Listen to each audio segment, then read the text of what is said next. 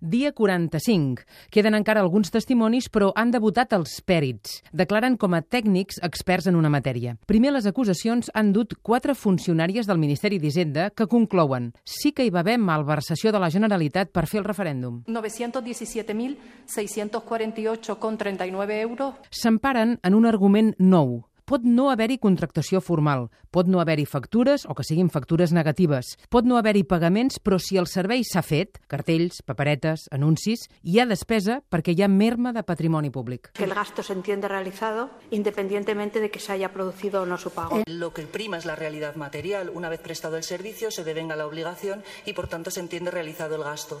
¿En qué momento se produce algún perjuicio o el detrimento del patrimonio público? Eh, En el momento en que se presta el servicio por parte del empresario. La factura negativa no es una renuncia.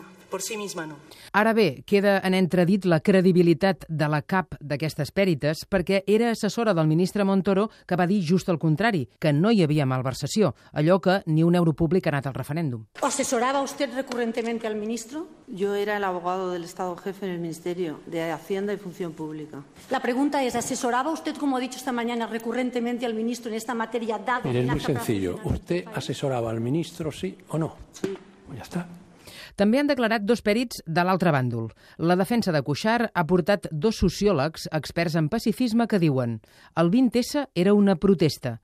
Els Jordis desconvocar que en algunos momentos tuvo que enfrentarse con personas que no estaban de acuerdo con eso. O sea que para nosotros es un ejemplo eh, de liderazgo no violento i que l'1 d'octubre era desobediència civil i interposició no violenta a la policia. Ningún grupo o persona recibió al cuerpo policial con agresión física o con violencia. I el fiscal, conscient que la violència és peça clau per la rebel·lió, s'encén i es passa de frenada. Una patada es un hecho violento, Es una agresión violenta. un insulto, Puede serlo. ¿verdad? puñetazos, Más evidente que sí. patadas en la cabeza, Sí.